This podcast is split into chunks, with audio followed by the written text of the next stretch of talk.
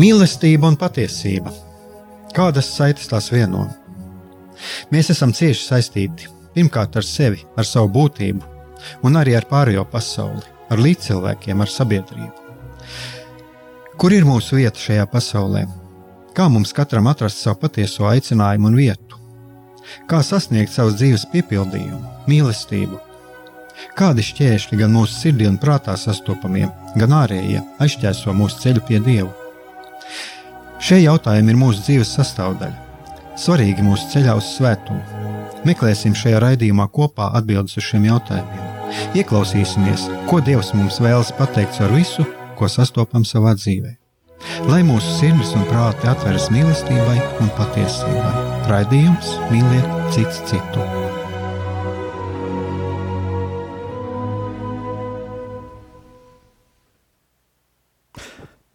Lai tev slēdz Jēzus Kristus, esiet sveicināti, darbie radioklausītāji. Šis atkal ir uh, raidījums Mīliet cits citu, un uh, studijā esmu es, Aigars Brikmanis, un šodienas tēma – kā jau uh, varbūt jūs kāds varētu nojaust, ir, es vēlētos parunāt, dalīties savās pārdomās par lielo gavēni. Un par lielo gavēni uh, mazliet arī pieskaroties varbūt tam, tam, par ko es runāju pagājušajā nedēļā, Tas ir par to, vai ir stipras un mazāk stipras lūkšanas, un kādas tad ir šīs labās lūkšanas.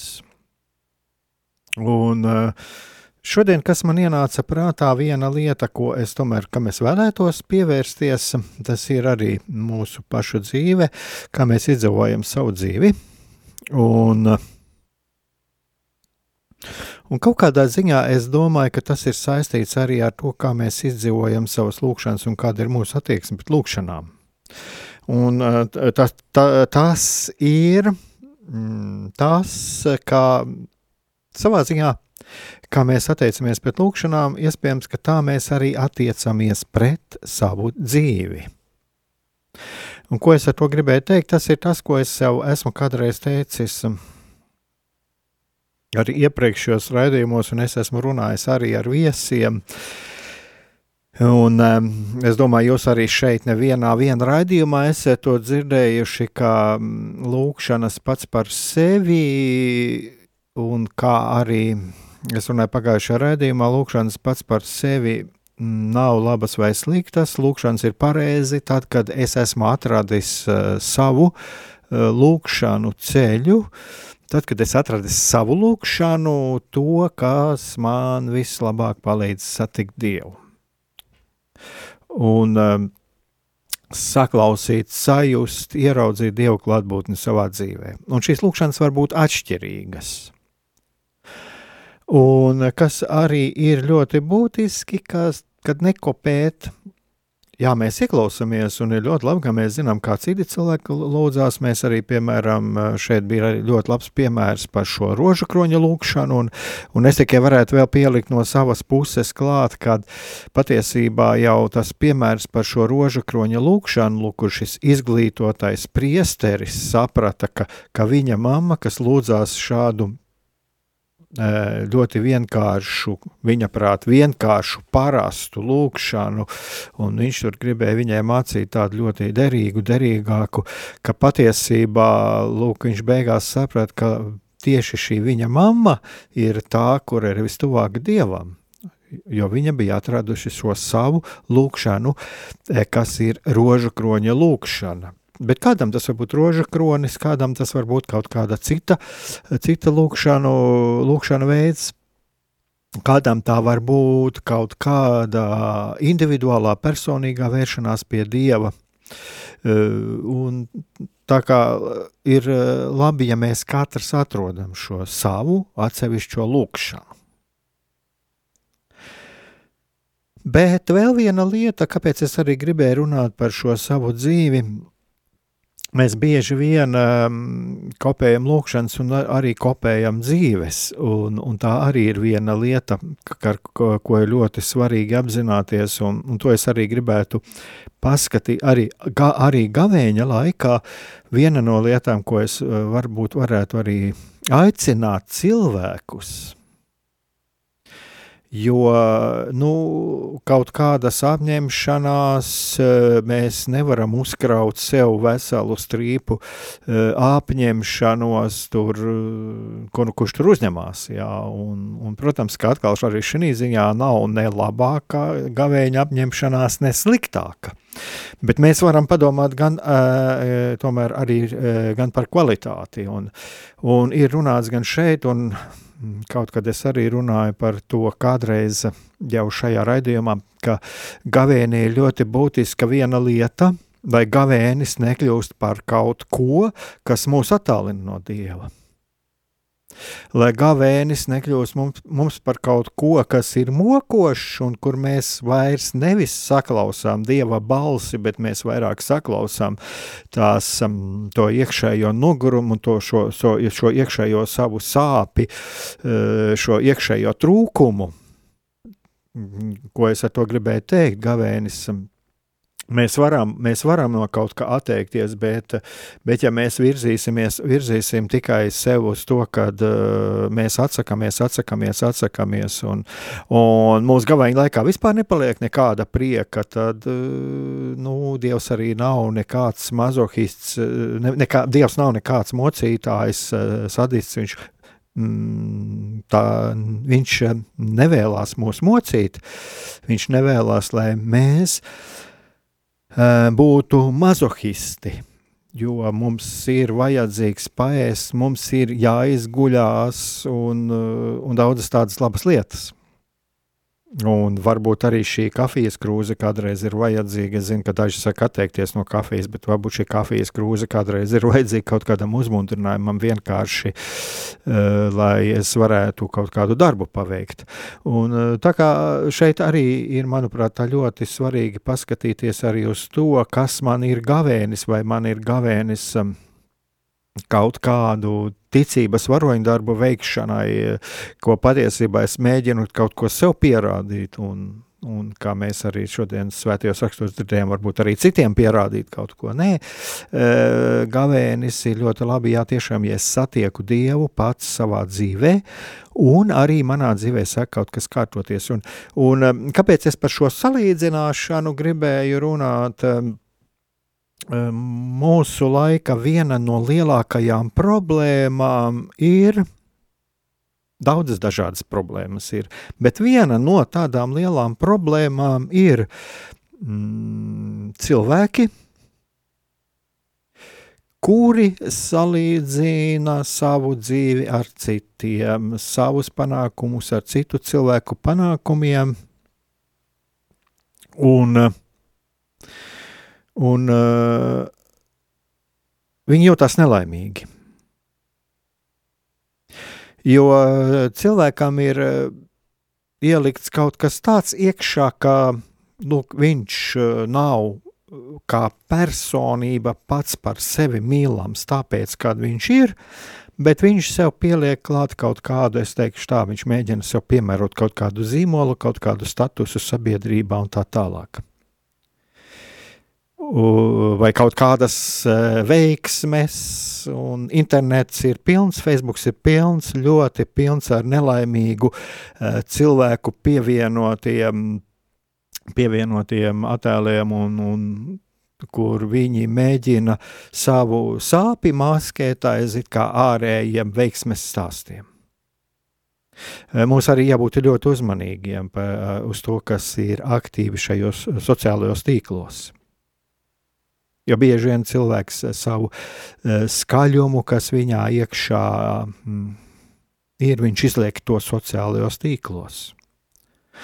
Un, um, līdz ar to vairāk var būt viena no tādām apņemšanām, ko, ko mēs varētu pamēģināt arī tiem, kam ir kādreiz sāpe, sāpe kaut kāda par savu dzīvi un par to, ka šķiet, ka neveicās un ka šķiet, ka eh, tur tam citam iet labāk, kad viņam ir eh, tur labāka alga, labākas dzīves iespējas, eh, lielāka pieredze un, un veiksmīgāks vispār šajā dzīvē. Mm, viena no ļoti labām apņemšanām, manuprāt, būtu ieraudzīt Nevis skatīties uz otra veiksmi, bet paskatīties uz iespējām savā dzīvē un iemīlēt sevi, iemīlēt savu dzīvi. Un jo mazāk mēs pievēršamies uh, citu dzīvēm, Es atkal, atkal nerunāju, ka mums vispār nav jāskatās. Ja šie pozitīvie piemēri ļoti svarīgi, kā mēs skatāmies. Vai mēs eh, skatāmies pateicībā uz otru cilvēku, par to, ka lūk, Dievs ir devis šim cilvēkam veiksmi. Es runāju par pozitīvām lietām, es nerunāju par tiem, kas ir negodīgā ceļā pie kaut kādas mm, bagātības vai panākumiem tikuši, bet tiešām tiem cilvēkiem, kuriem ir, ir šī spēja, iespēja bijusi īstenot kaut kādus savus talantus. Pateikties viņiem, pateikt, pateikties Dievam par to, ka lūk, šim cilvēkam tā ir paveicies. Bet, lai mēs to sasniegtu, ir jāpaskatās pašiem uz sevi, jāpaskatās pašiem uz savu dzīvi un jāpat, jāiemācās pateikties Dievam par manu dzīvi, Es pateicos Dievam par manu dzīvi un lūdzu Dievam žēlastību, lai es um, ieraugu iespējas savā dzīvē. Lai es soli pa solītim ieraugu iespējas savā dzīvē, savus resursus, varbūt lai Dievs man palīdz arī atklāt kaut kādus talantus un lai dod man drosmi šos talantus, kas man ir kaut kur sirds dziļumos, saskaņot ar savām iespējām un īstenot. Tā tad uh, drosme īstenot šos talantus. Un mēs varam tiešām palūkties arī par to tiešām, un, un tā varētu būt viena no gavēņa apņemšanām, kad jā, es neskatīšos tik daudz uz citiem, bet es mācītu, mācīšos Dievam pateikties par savu dzīvi un lūkšu, lai Dievs sūta savu svēto garu un lai apgaismo mani un palīdz man atrast manus talantus, kaut kādus manus sirds sapņus, labos, un iespēju to manā dzīvē īstenot.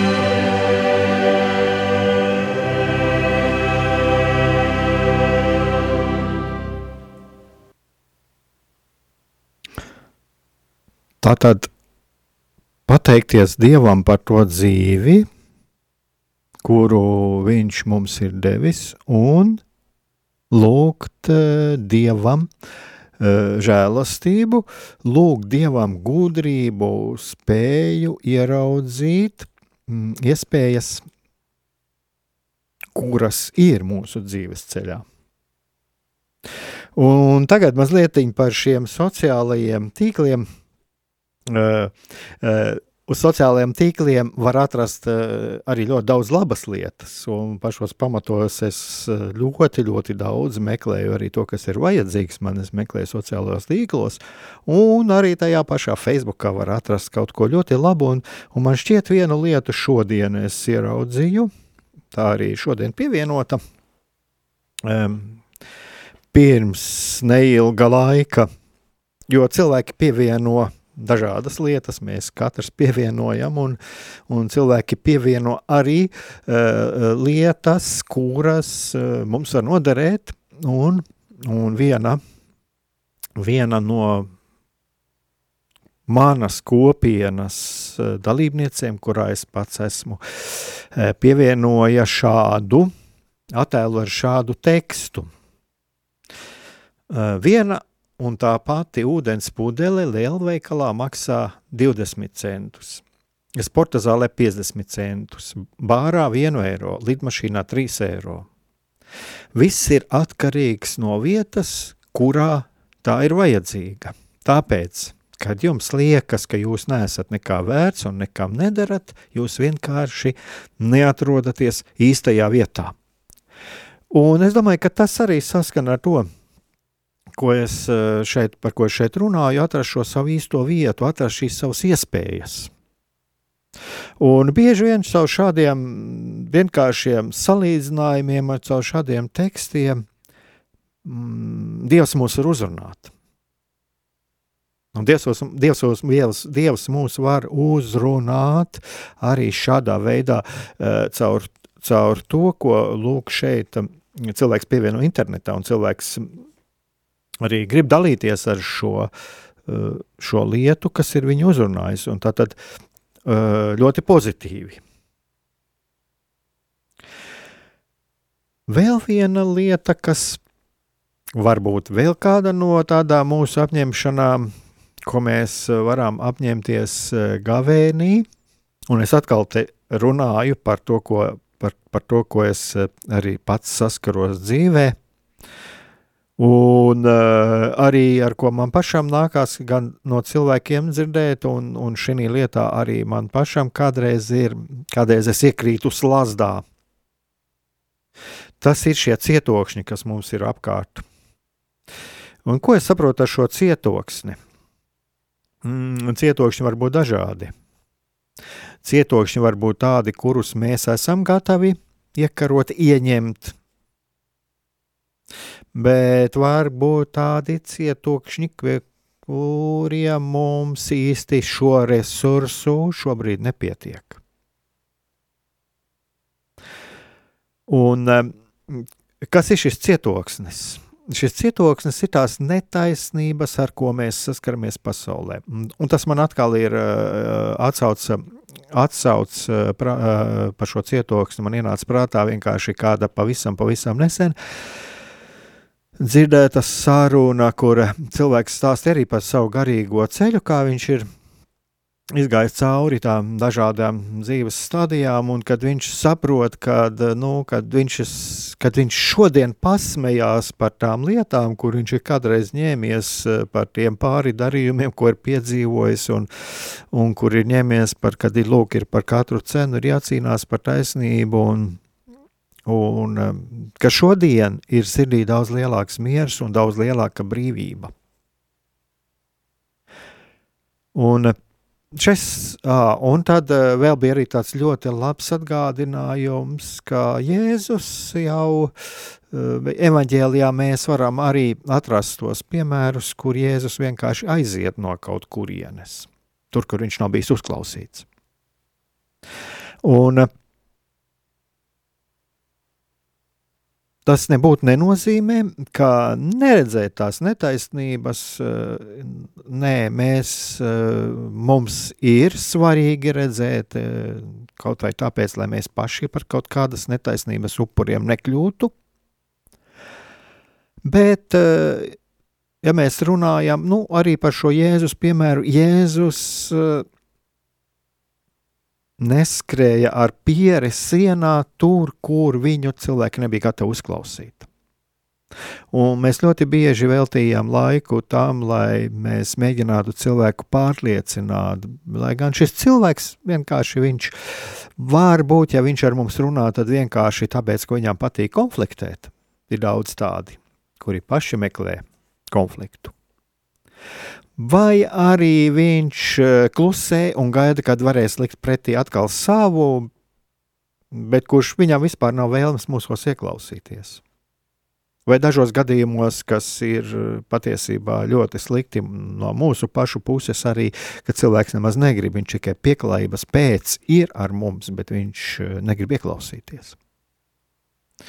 Mēs bieži vien paši esam tādi upuri, runātāju upuri un pieklājības pēc esam blakus, bet tajā gadījumā mums arī kādreiz varbūt ir vajadzīgs tā kā jēzum pagriezties un aiziet, jo mums ir uh, dota šī brīvība izvēlēties. Nu, lūk, un lūk, šis teicis, bieži vien mēs veltījam šo laiku, lai iekarotu kaut kādus cietokšņus, cilvēku siežu cietokšņus, ka cilvēks nav gatavs mūs uzklausīt.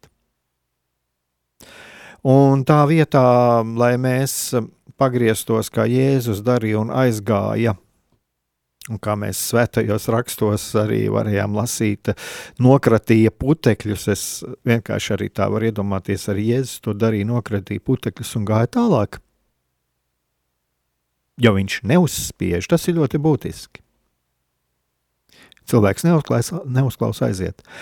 Tad, lai mēs tā vietā, lai saprastu, ka mūsu iespējas, mūsu resursi ir izsmelti, un tā vietā, lai atkal atstātu šo lietu dieva ziņā, mēs bieži vien esam tādā atkarībā no tā cilvēka, ko mēs vēlamies pārliecināt, vai no kaut kādas pat, pat grupas.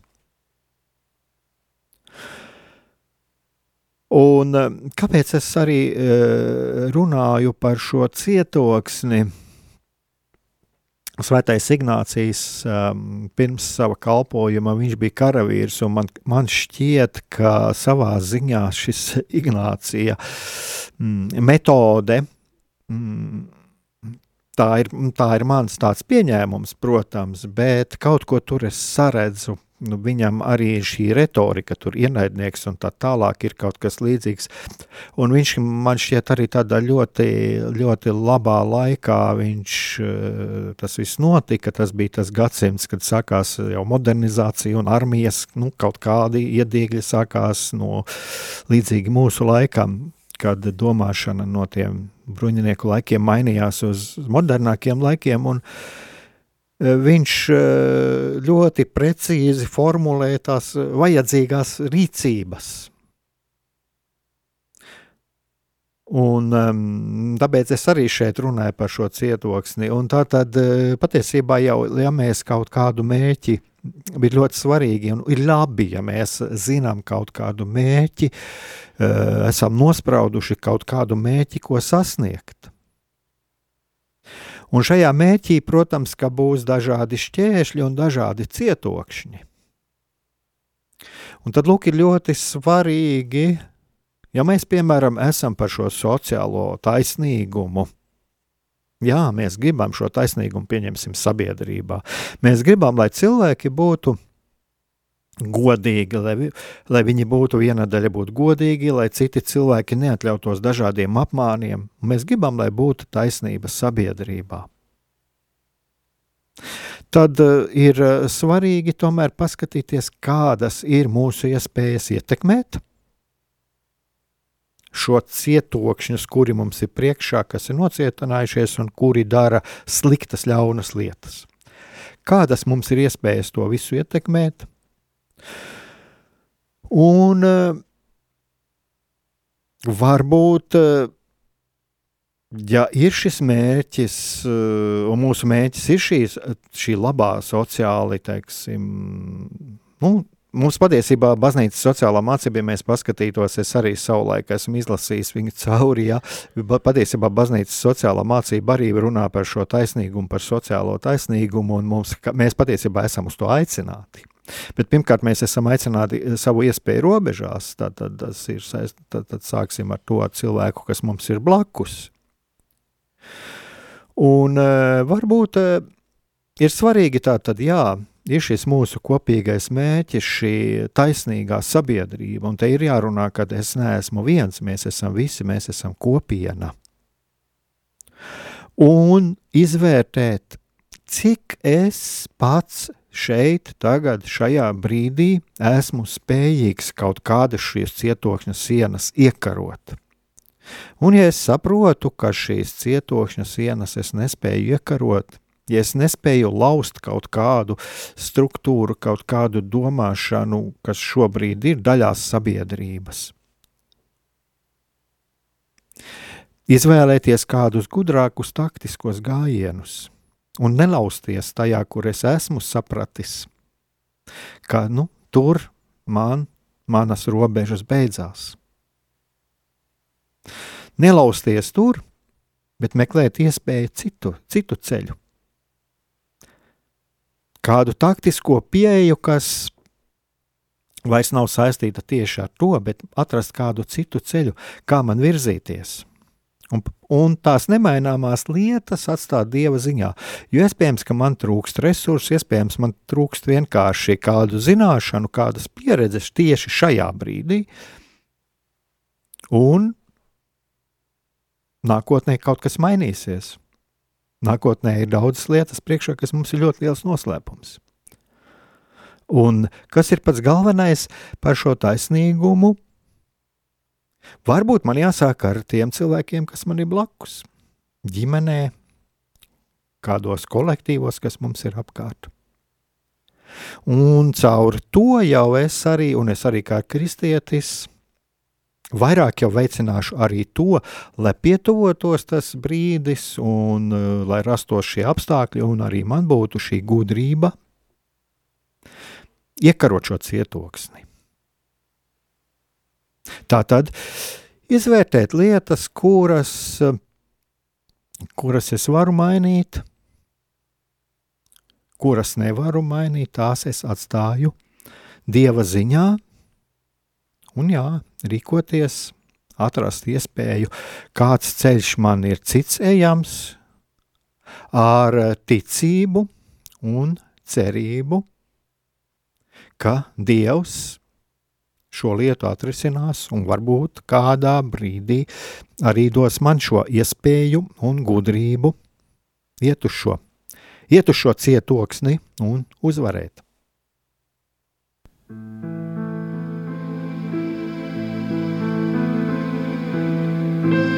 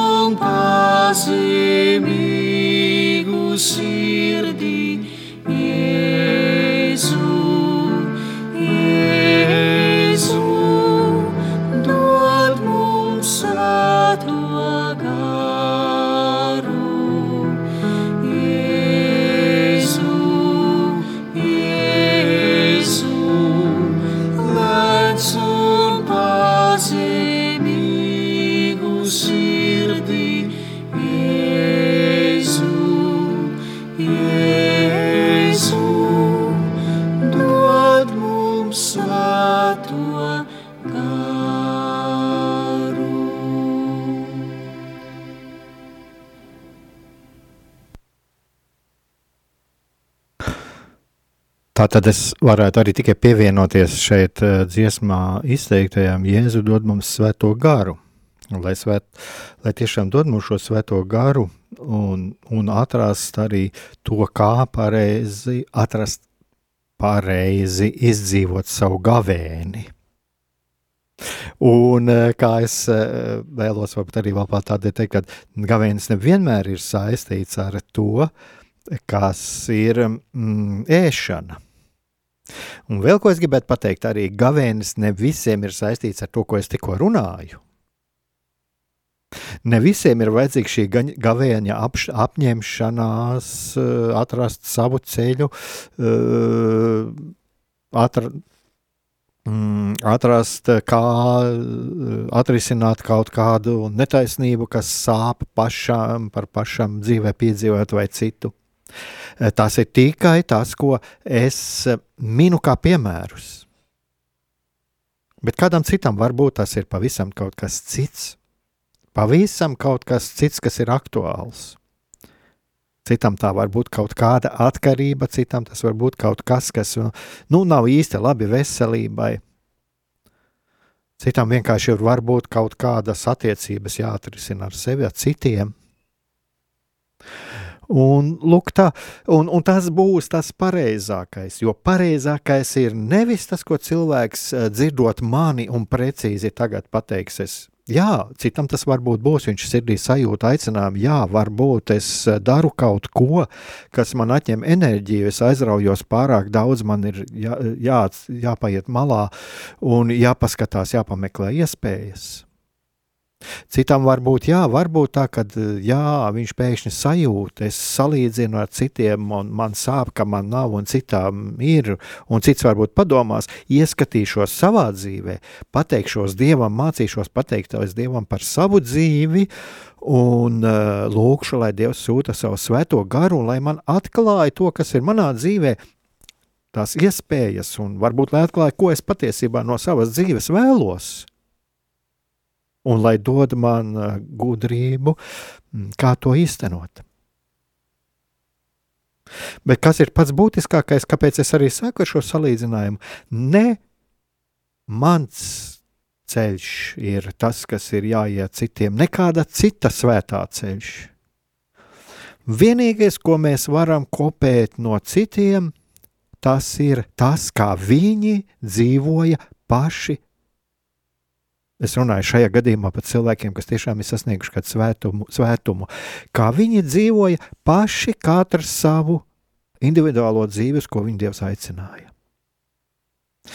Tātad vienīgais, eh, tas īstais, ko mēs varam kopēt patiesībā, ir tas dzīvot savu dzīvi, bet šī dzīve, mūsu aicinājumi, mūsu dzīve, kā mēs lietas jūtam, tās var būt atšķirīgas, bet tās ir tikai man Tās ir manas, tas ir mans, mana lūkšana, mana gavēņa apņemšanās.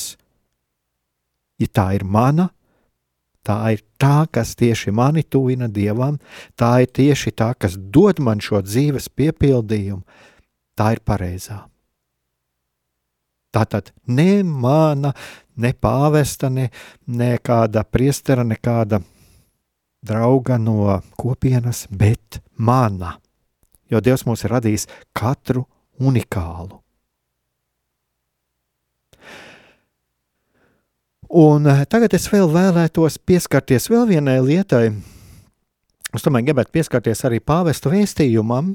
Pāvesta vēstījums, pāvesta vēstījums 2023. gada lieliem gavēnim, gavēņa askeze, uh, sinodālais ceļš. Un uh, Tas ir katram internetā pieejams, un jā, kāds jau, e, viņš ir arī Vatikāna radio mājaslapā ir pieejams, un e, domāju, arī Katolis LV. Es caur Vatikāna mājaslapu atradu Vatikāna radio mājaslapu.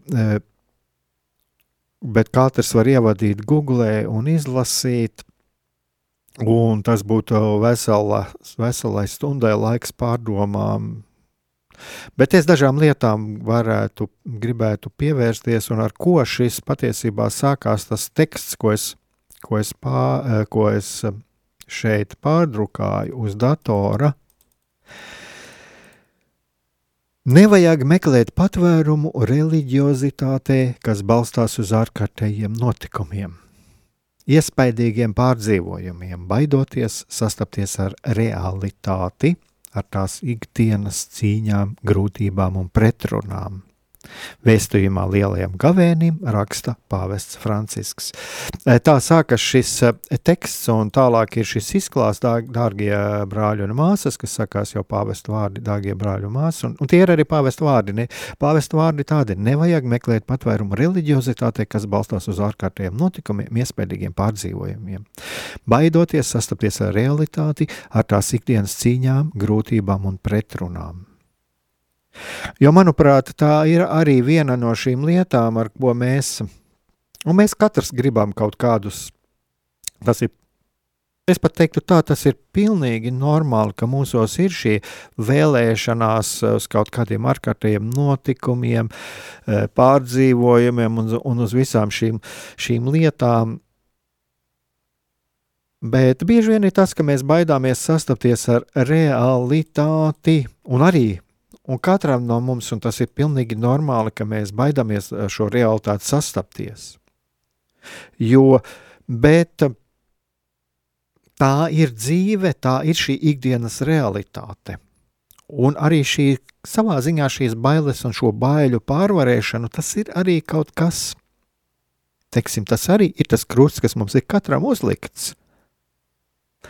Un caur kuru mēs norūdamies, un mēs, es, varētu pat tā teikt, savā dzīvē mēs norūdamies gan garīgi, gan arī, gan arī kā personības, dzīvojot savu dzīvi. Bet mēs visi, mēs pilnīgi visi dzīvojam katrs savā ikdienā. Pilnīgi visi. Un, ja kādam šķiet, kā es runāju pašā rādījuma sākumā, ka tie, kas šķietami ir tie veiksmīgie, Nu, ja jūs no sirds ar viņiem parunātu, viņi, es domāju, arī jums pateiktu to pašu, ka viņiem ir arī šī ikdienas realitāte, kas reizēm ir nomācoša un no kuras reizēm ir bail. Bet eh, es tādu nedaudz pieskarties ar to kādas man pārdomas radās, jo pāvests runā par šo kunga pārveidošanās epizodi Mateja un Mārka un Lukas evaņģēlijā, ka mēs varam svētajos rakstos varam izlasīt. Un pirms tam, īsi pirms tam, kā Jēzum bija radušās um, domstarpības, kā bija radušās šīs no, um, domstarpības starp Sīmanu Pēteri, Jēzum radās domstarpības, kurš uh, kurš, ap, mm, kurš noraidīja mm, Jēzus vēstījumu par eh, ciešanām un krusta nāvi. Un es domāju, ka šeit arī ir viens ļoti labs piemērs tam, kad mm, Pēteris Viņš cilvēcīgi, cilvēcīgi, un Jēzus to saprata. Lai gan Jēzus pateica ļoti skarbi, atkāpies no manis, sāta, nu, kur nu vēl trakāk, ja tā paklausamies, atkāpies no manis sātan, tu esi man par apgrēcību. Jo tu nedomā to, kas ir Dieva, bet kas ir cilvēcīgs. Un, ja man godīgi jāsaka, arī es pats mani šie, mani, ja es tā, nu, iedziļinos, šie vārdi var mani samulsināt.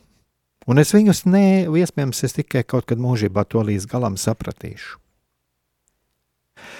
Un mēs katrs varam kaut ko uh, atsevišķi to paskatīties, bet nu, viena lieta, kas ir skaidrs, mums katram ir kāds labs draugs, un, protams, ka es domāju, ka ir vērts paskatīties tā tīri cilvēcīgi. Mums katram ir kāds labs draugs, ko mēs negribam zaudēt, un, un, un Pēterim pirmkārt jau, protams, ka arī visa šī līdzjūtība, kas tomēr tajā brīdī bija, kad Jēzus par to runāja, un, un arī vienkārši negribējās šķirties no šī drauga.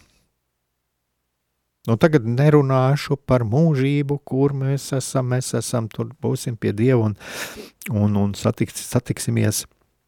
Bet uh, šeit, šajā dzīvē, tā ir dzīves realitāte. Bet Jēzus, Jēzum bija cits plāns.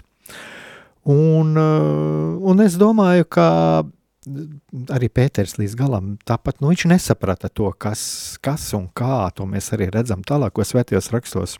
Par ko ir aprakstīts. Bet ir lieta tāda, ka mums jā, ir grūti pieņemt šo realitāti un dzīvot ar visām tām problēmām.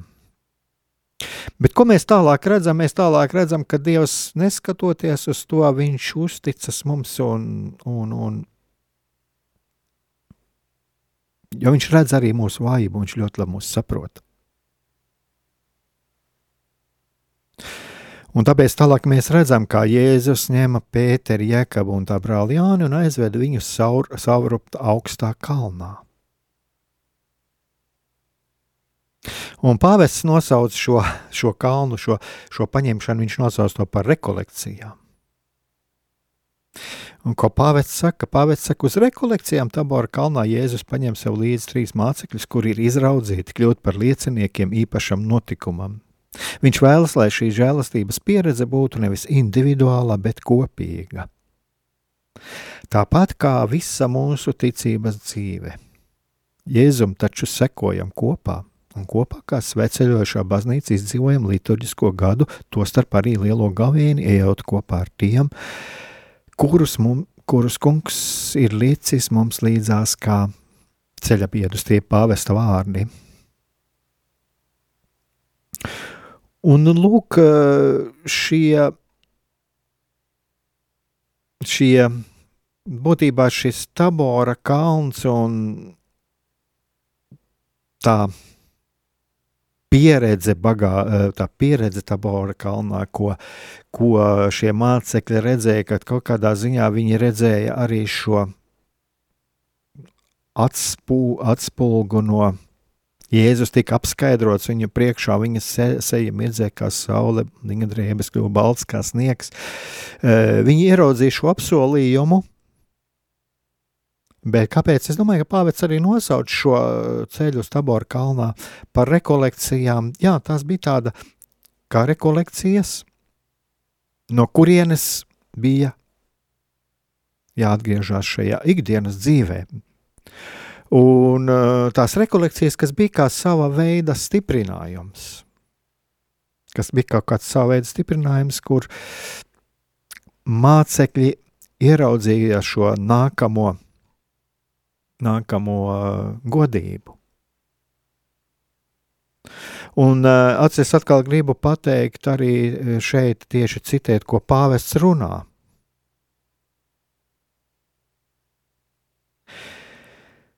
Arī sinodālais ceļš bieži vien šķiet grūts un reizēm varam zaudēt drosmi.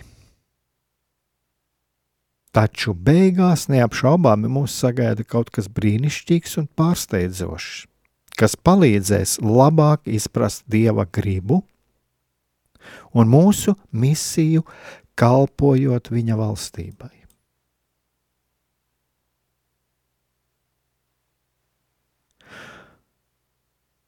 Un noslēdzot arī to, ko pāvests, par, tas tās arī savas pārdomas, par ko pāvests runāja. Pāvests noslēdz šo savu uzrunu ar vārdiem: Darbie brāļi un māsas! Lai svētais gars šajā gavēnī vada mūs augšupceļā kopā ar Jēzu.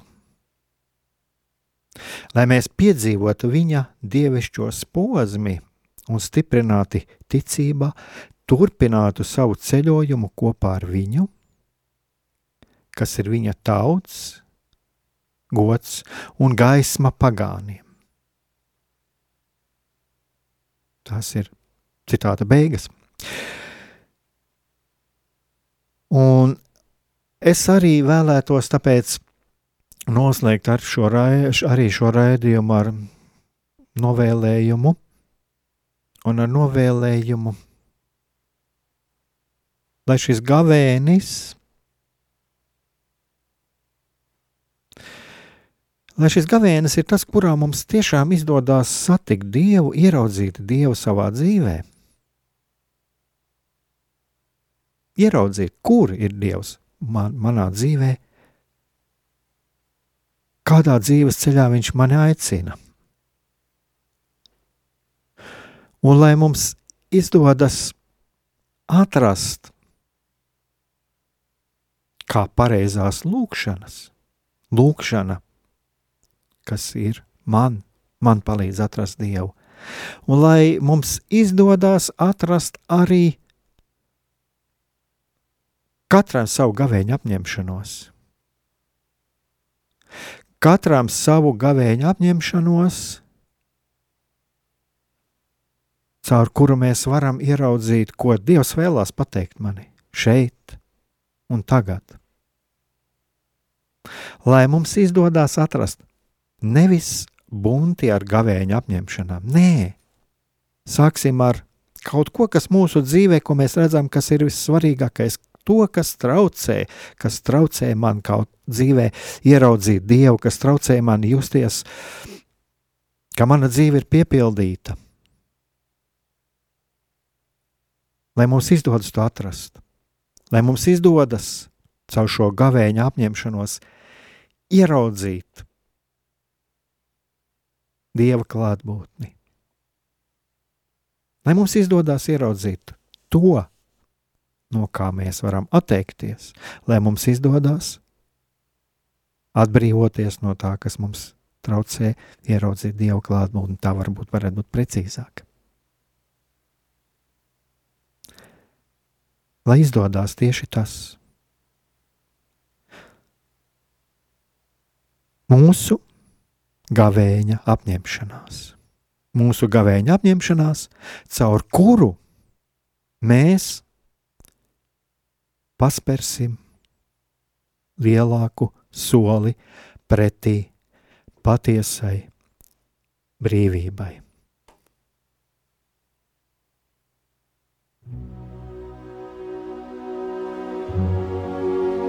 Mīlestība un patiesība. Kādas saites tās vieno?